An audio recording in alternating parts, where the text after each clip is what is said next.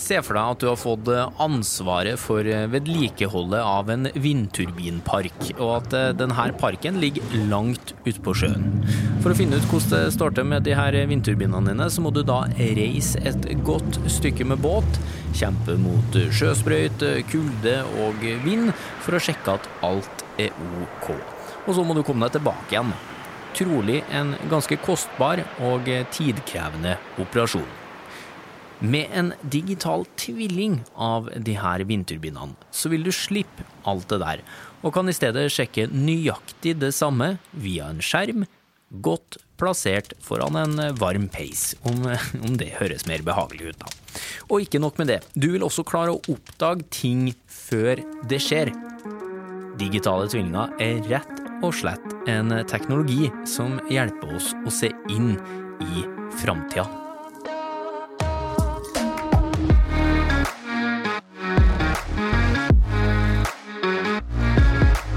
Du hører podkasten Smart forklart med Aksel Faanes Persson.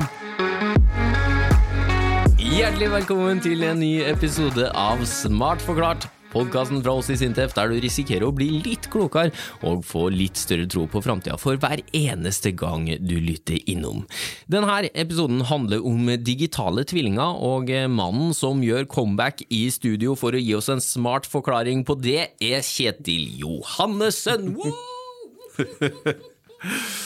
godt å være tilbake, Aksel. Godt å ha deg tilbake, Kjetil. Føler vi burde hatt publikum her. Du er fortsatt forskningsleder i Sintef. Fortsatt forskningsleder. Bra, og sist du var innom, så var du så overbevisende at jeg endte opp med å rope ut eh, 'heia matte' i ren ekstase. En episode vi absolutt kan anbefale. Det kan vi. Eh, Den finner du forresten under tittelen 'Derfor bør du heie på matte' i arkivet vårt. Men nå altså er du tilbake for å snakke om digitale tvillinger.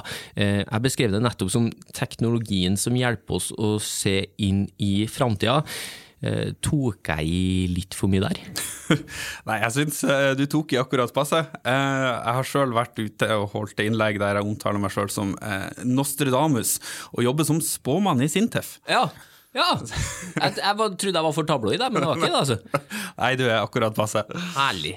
Ok, men la oss dykke inn i denne eh, måten å spå i framtida på, da. Eh, Hva, hva er digitale tvillinger? La oss starte med det. Nei, altså Digitale tvillinger, som vi nevnte innledningsvis her, så er jo målet å se inn i fremtiden. Vi prøver å forutsi ting som kommer til å skje.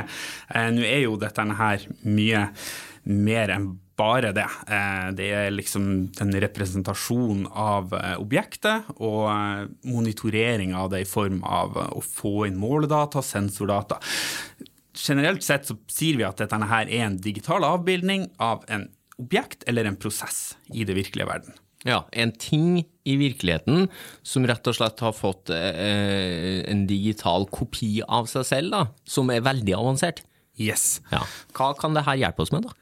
Nei, det, er, det kommer litt an på hva det er slags ting som eh, den prøver å avbilde. Eh, vi tar gjerne og snakker om forskjellig modenhetsnivå når det kommer til digitale tvillinger, og du får nytteverdi på alle stegene av denne modenhetsskalaen.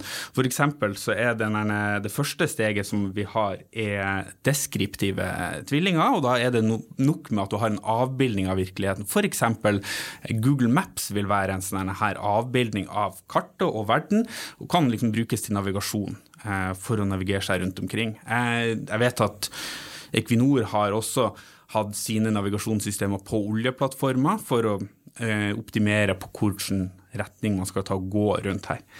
Eh, et steg opp da, så er det hvis du tar og monitorerer eh, systemer. Og Da kan du ta sett på forskjellige sensorer, du kan se hvordan ting eh, oppfører seg. eh, Og du bruker dette her til beslutningsstøtte, f.eks. på eh, prosessanlegg eller på vindmøller. Så kan du liksom se hvor mange krefter er det som er, er, er nå. Er altså type at du uh, fester noe på den vindmølla, som gjør at du får en da digital kopi av det. Altså den fysiske vindmølla i virkeligheten kan du like godt se på en skjerm da. Og så vil de sensorene ø, og de målingene gjøre til at du kan se hva som skjer videre med den vindmølla, hvis det f.eks. da kommer kraftig vind en dag. Ja, for det, du sier her er det neste steget, når du kommer med prediktive modeller. Også, du tar ikke bare og lese av sensorene og se hva er det som er nutilstanden av denne her digitale tvillingen, men du ønsker også å si hva som kommer til å skje framover. Ah, hoppa litt lenger fram. Du hoppa rask i svingene. Ja, ok, men, men, men ok, vi, la, la, ta oss med på begge to nå. Um, den første her er vi nå uh, ferdig med, med monitorerende tvillinger. Det som, vi, det som er virkelig spennende her, er jo de, de prediktive tvillingene. Den har hoppa fram til. Beklager, beklager igjen. du er utålmodig og kommer deg til det juicy. Uh, og det her er når vi da bygger opp eh, modeller for å si hva er det som kommer til å skje framover her. da. Eh, og en ting er det å bare prøve å spå hva er det som er liksom Hvis du f.eks. har en vindturbin som står til havs, da, og den står under visse krefter, og ønsker å si noen ting om hvor mye produksjon den produserer, hvor mye slitasje den kommer til å få. Eh, men av og til så har du kanskje lyst til å kjøre en sånn alternativ virkelighetsanalyse. Og så kan du stille deg spørsmål som hva om det kom en veldig kraftig storm nå? Vindturbiner er ofte sånn at eh, de har en optimal vindhastighet der de, der de driver. Hvis det kommer for mye vind, så er det faktisk et problem for eh, vindturbinene også. For da kan de ta skade av dette. her. Så da tar man uh, ofte og stopper dem ned hvis det blir for mye. Så uh, det som man kan ta og gjøre her, da, er å se på sånne her ulike scenarioer. Hva er det som skjer hvis det kommer mye bølger, hva er det som skjer hvis det kommer en, en storm, hva, hvordan skal vi ta og, uh, og agere? Ja, så det her er altså noe av det det kan hjelpe oss med da, å forutsi f.eks. For det der, da. Eh, når vil den vindturbinen her komme til å bli slitt? Eh, ja. Hva annet samfunnsnytte har det? Um, Ta f.eks. Eh, havet. Eh, se for deg at du greier å digitalisere hele havet. At vi greier å bygge opp en digital tvilling av havet. Det dette her eh, hjelper oss med, vil jo være å kunne forutsi hva er det som er konsekvensene av en viss type oppførsel. Hvis man driver en viss type økonomisk utvikling her, hvis man tar og bygger turbiner til havs på denne måten, hvis man tar og slipper ut altså kloakk eller andre stoffer i havet, hva er det som kommer til å være konsekvensen av dette her, og hvordan kan vi best mulig motvirke dette her? Rett og slett regne oss fram til konsekvensen av et grep vi tar i dag, og så sjekke ja, hva er konsekvensen om 10 år, 20 ja. år, 30 år? Og Det er jo akkurat dette her som er nøkkelen på dette. her, Det at man skal kunne drive optimalt, og det at man ikke bare gjetter hva det er som er den beste handlingsmåten, men at man driver forskningsbasert beslutningsstøtte, der man kan ta og som du sier, regne seg fram til hva er det som kommer til å være konsekvensene, sånn at man kan ta de mest effektive og de beste valgene nå. Ja, Så vi slipper egentlig å gjette, For så, som, La oss ta, gå tilbake til vindturbinene. Hvis det, det, blir stor slitasje da pga. masse litt for mye vind, så er det jo en eller annen dag at de delene på den vindturbinen er nødt til å byttes, skiftes ut. Eh, nå i dag så kanskje vi har en, en ganske grei gjetting på når det må skje, altså et, la oss si et løp på x antall år. da, mens med en digital tvilling så kan vi få nøyaktig dato, da, basert på, på tall som hele tida er oppdatert fra de her sensorene som gir oss informasjon om hvordan det står til ut, der. Ja, og det er akkurat det dette her handler om. Det er å unngå disse her overdrevet konservative mm, retningslinjene for når ting skal byttes, og heller ta og bruke den informasjonen du vet fra sensorer, fra modeller, til å si når ting skal bryte. Det er jo klart at turbinene slites på forskjellige måter. Det er jo bare å se for på huset ditt. Altså, man har jo regler på når de taket på huset skal byttes. Det skal jo byttes hver eh, ja, jeg vet ikke hva det er. 40 år? Ja, ja, la oss si det, da. La oss ja. si det som et eksempel. Men dette her kommer an på hvor værutsatt dette her er. Om det ligger fredelig til, da, uten eh, for mye eh, påvirkning fra elementer, så kan det vare mye lengre. Et tak ved kysten får andre slitasjene, et tak Nemlig. i innlandet. Når du er helt på kysten og får salt sjøsprøyte inn her, det er klart at ting ryker mye raskere da. Ja, Så med en digital tvilling av det taket, så vil man faktisk kunne se når ditt tak skal skiftes. Eh, skjønner. Men så er spørsmålet altså hvor virkelighetsnær Vi skal komme tilbake altså, til, til hvordan det her fungerer, altså hvordan man får denne infoen inn og, og kan regne seg fram til at eh, det og det skjer fram i tid, men altså hvor virkelighetsnær er de her digitale tvillingene? Altså hvor detaljert er de kopiene av virkeligheten? Ja, det, det, kommer an på. fordi at Digital tvilling er en, sånn, en samlebegrep og blir brukt i mange forskjellige næringer. Vi har snakka om digitale tvillinger av havet og av vindturbiner og av hus og hjem. Og alle disse her applikasjonsområdene har forskjellige modeller. Eh, og forskjellig usikkerhet hvor bra de greier å, eh, å representere det. Det som det, det hele bygger på, er jo den ekspertkompetansen og den domenekunnskapen som vi har opparbeida oss gjennom mange år. Så det er ikke snakk om at vi starter med noe helt nytt. Men det som er nytt nå, er jo det at du har mye større tilgjengelighet til eh, sensorer, og det å få oppdatert feedback på disse her modellene. Og det er klart at Du har også denne her revolusjonen som har vært eh, med maskinlæring og kunstig intelligens, som gjør modellene enda bedre. Så Tidligere så visste vi ganske mye om hvordan ting oppførte seg, eh, og nå vet vi enda mer, fordi at vi får rett og slett mer data, mer informasjon, så vi kan regne enda mer eh, nøyaktig. Ja, Men hvor mye kan man stole på, da? For jeg tenker at Hvis du regner fram til at uh, du kjører en digital tvilling på noe, da. La oss ta uh, den vindturbinen igjen, da. Mm.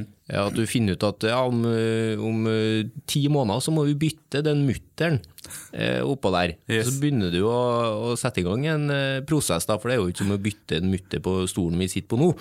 Det, du må jo ut på havet, det, det, må en del planlegging til. Hvor mye kan man stole på at ja, om ti måneder så er det faktisk da vi skal sette i gang det her?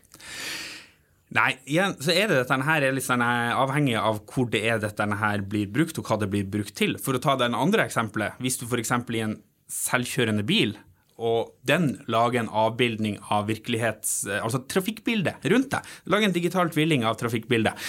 Um, da er det klart at da er det lite rom for feil. Da skal du stole ganske mye på den før du eh, tillater den å ta, ta, avgjørelser for deg og styre eh, rundt omkring. Men eh, når det kommer til eh, sånn prediktivt eh, vedlikehold og det er utskifting av deler til, til vindturbiner til havs, så har du kanskje litt slingringsmonn. Det er en periode der du er usikker på om denne her kommer til å ryke eller ikke, og så er det en periode der du er rimelig sikker på at nå har det gått galt. Og Det som man prøver jo da, er jo å samle opp mest mulig i dette her usikkerhetsområdet, og så bare så tillater man seg en liten slingringsmonn her, sånn at man kan mer effektivt eh, drive vedlikehold alle sammen samtidig. Ja. Og hvis du som hører på nå syns at det er digital tvilling, ja, det er spennende, men det er langt unna min hverdag, så er det vel ikke det, Kjetil. Altså, vi bruker mange av oss nesten hver dag eh, en form for digital tvilling når vi prøver å finne ut hva vi skal ha på oss av ytterklær. Yes, eh, vi gjør det. Fordi at digital tvilling er ganske mye. Veldig ofte så hopper man til en digital tvilling av et objekt, men vel så ofte så kan det være en prosess eller et fenomen. Eh, og da snakker jeg om eh, f.eks. været, som er overalt, og dette her er blitt ganske bra digitalisert. Altså værappene som rett og slett sier hva været i morgen blir? Rett og slett værappene. De er en digital tvilling, altså? De er digital tvilling.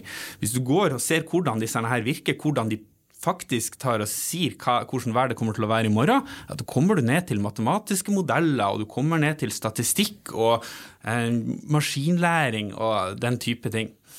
Så det som skjer i virkeligheten eh, rundt oss når jeg er ute og går, det skjer også inni den appen eh, digitalt, da, når jeg klikker meg inn på yr.no f.eks. Ja. Eh, så ser jo jeg at nå kommer det vin her, og så kjenner jeg at ja, da kommer det vin. Yes, og dette her kommer litt tilbake til det jeg sa om disse her forskjellige nivåene. Og Værvarselet brukes ofte som en liten gullstandard når det kommer til prediktive tvillinger. For den har liksom oppfylt alle disse her kriteriene med det at den tar og monitorerer kontinuerlig. Vi har et stort nettverk av målestasjoner over hele landet, over hele verden, som kan ta og gi deg både nutilstanden i form av værradar, men også forutsi eh, hva det er som kommer til å skje.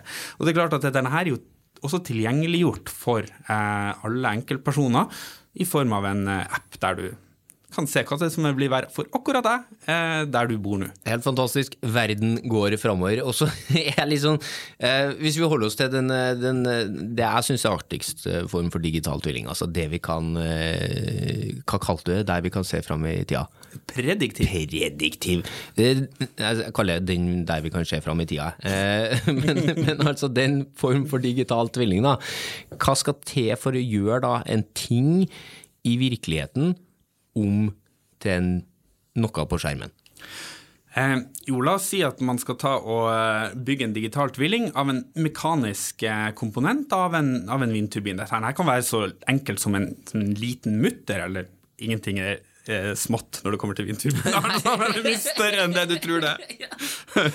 Hvor stor er en mutter på vindturbin? det er, de er måles på meter ofte. Ja, det er såpass, ja. Ja. Ok. Ja, nei, men det var et sidespor. Fortsett. Eh, ja, eh, la oss snakke om eh, en spesifikk ting, da. F.eks. Uh, girboksen. Den er i toppen av eh, turbinen, eh, i nasellen, der de tre vindturbinbladene eh, møtes.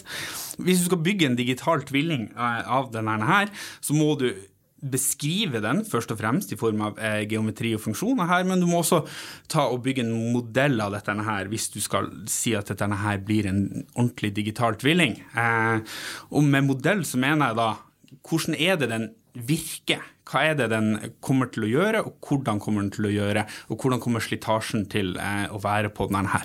Og da kan man ofte se for seg at du har ytre påvirkninger på denne her, fordi at den er en del i et større system her, men også fordi at den blir påvirka av ytre krefter.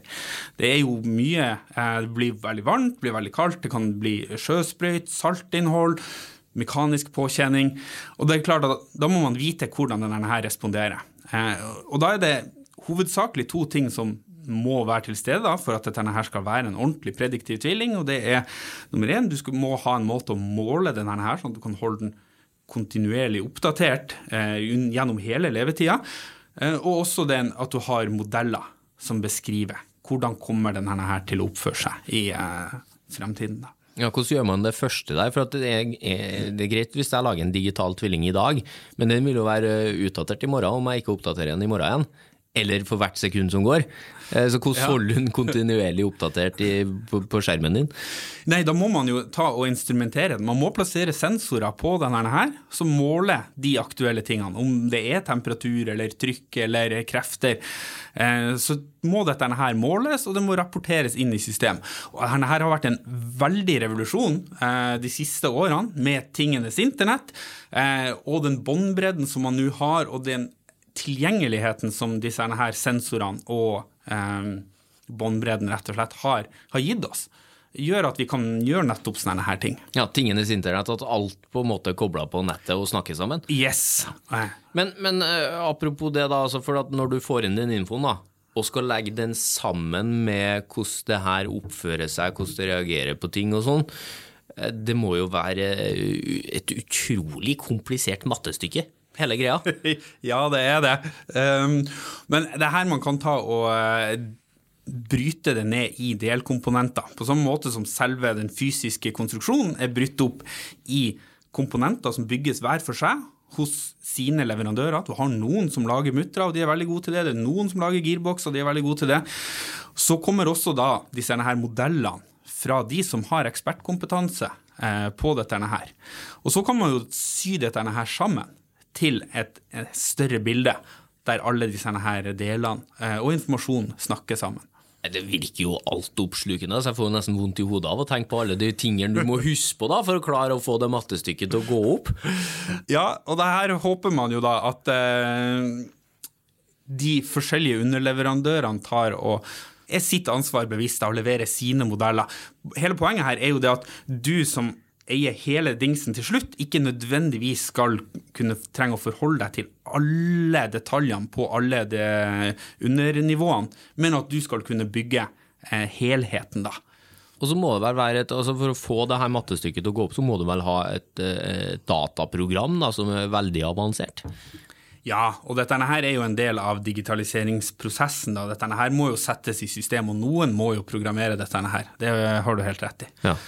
For en eh, Altså, det her er et samarbeid uten like, da, for å få det til. Men, men vi får det altså til. Ja, eh, og det er helt rett. Dette her er et samarbeid, og der tror jeg du traff et ganske sånn her nøkkelord for at vi skal få dette her realisert til, på en ordentlig måte, og det er det at det krever samarbeid fra ulike fagmiljøer ulike produsenter som snakker litt Altså, når du snakker med tekniske folk, så blir du fort stammespråket eh, ut av dette her, og det er veldig vanskelig å snakke på tvers av domenegrensene her, da. Men det er her eh, Det er dette som vi må greie å løse opp i.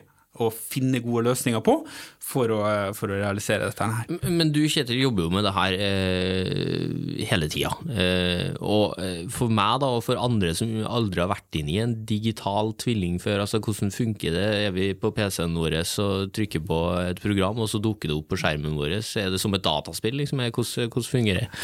Ja, det kan jo være, det kan ta mange former, dette her.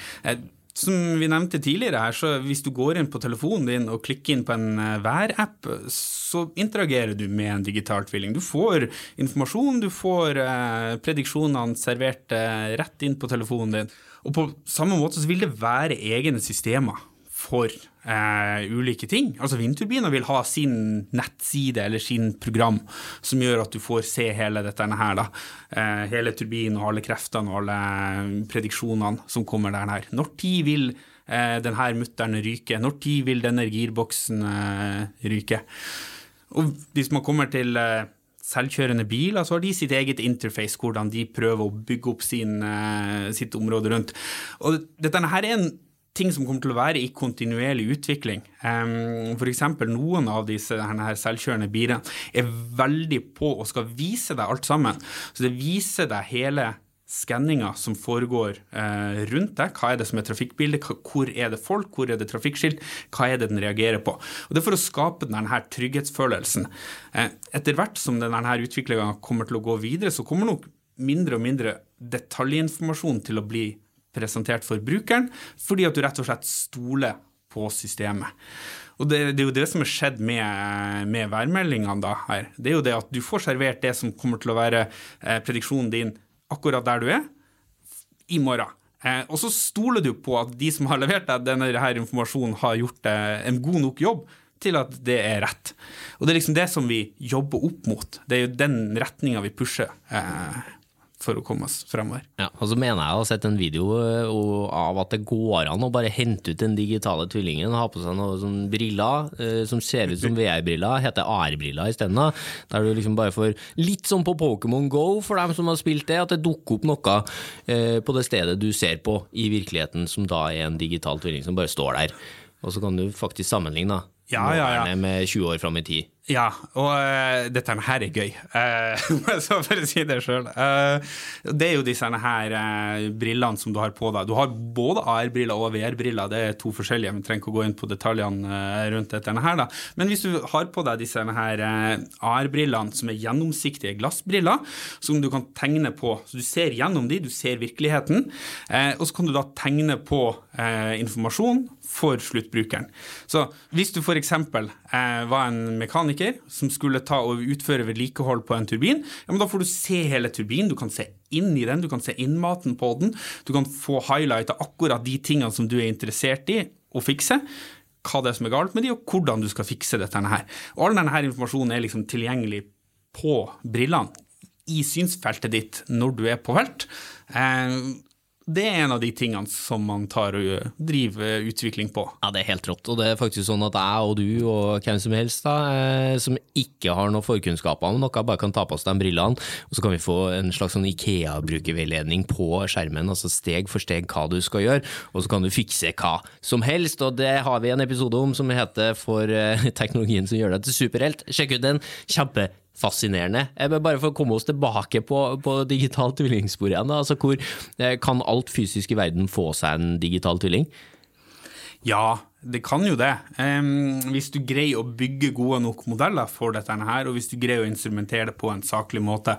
Det er ikke sikkert at det er alt som du har nødvendigvis lyst til å, å digitalisere, um, eller ser den umiddelbare nytteverdien av dette her, men i utgangspunktet så kan du eh, instrumentere alt sammen. Ja, for Hvor forbrukerorientert kan det bli? da? Så kan jeg, kan jeg få en digital tvilling av meg sjøl, sånn at jeg istedenfor i januar, nå når jeg kommer med nyttårsforsettene mine, ser for meg hvordan helsa mi har bedra seg innen juni og sommerkroppen 2023 er på plass, liksom, så kan jeg gå inn i en digital tvilling av meg sjøl, og så kan jeg se ja, nei, sånn kommer det til å bli hvis jeg gjør dem og de øvelsene fram til juni. Eller sånn kommer det til å bli hvis jeg tar det og det vitamintilskuddet. Ja, eh, dette her er jo veldig interessant at du eh, tar opp. fordi at medisinsk teknologi har kanskje mer sensorer enn noe annet fagfelt. De har alle slags dingser for å skanne kroppen på alle mulige måter. Og de kan bygge opp en ganske detaljert beskrivelse av hele kroppen din, hvordan den er nå, og hvordan den utvikler seg. Og det er klart at denne informasjonen er tilgjengelig. Um, men den er ikke satt i et system som gjør at dette her er sentralisert, sånn at du kan få en nødvendigvis en app som viser alle disse her eh, råskannene av, eh, av, kroppen din, eller hvordan den oppfører seg. Det er gjort noen forsøk på dette her, der eh, man f.eks. har sett på løsninger der man plasserer sensorer i toalettet ditt, som kontinuerlig eh, monitorerer bakteriekulturen i avføringa di. Ja. det, det, er jo noe å ønske seg i julegave. ja. og det, det, her kan da eh, ja, som sagt analyseres og blir da eh, sendt via skyen opp til, eh, til fastlegen. Eh, og så kan man jo eh, mene det man vil, om man har lyst til at den avføringa skal hver eneste dag eh, analyseres. Men Stakkars fastleger. det er altså muligheter eh, som vi har. Ja, Men en av utfordringene der, da, eh, og som er generelt en av utfordringene med digitale tvillinger, er jo den innhentinga av informasjon. Fordi at alle utregninger baserer jo seg på den informasjonen som da blir henta inn, så den må være korrekt. Mm. Og i, kroppens tilfelle så vil det jo være ganske vanskelig da, å hele tida være oppdatert på hva som skjer inni kroppen min. Regner jeg med. Ja, eh, og den må ha en kontinuerlig eh, datastrøm for å holde seg oppdatert, som du sier. Eh, og den er ikke der på, på, menneskekroppen. En annen ting som vi tar, må ta høyde for når det kommer til digitalisering av kroppen, her er jo også personvernet. Og man skal være forsiktig med hvordan dataen behandles etter at den er samla inn. Ja, Men hus, da? Kan det bli forbrukerorientert nok til at jeg kan eh, finne ut liksom eh, Ok, strømregninga mi er høy nå, eh, jeg kjører på med etterisolering av den veggen. Og så kan jeg se i den digitale tvillingen hvor mye jeg kommer til å spare meg i strøm i, i årene som kommer.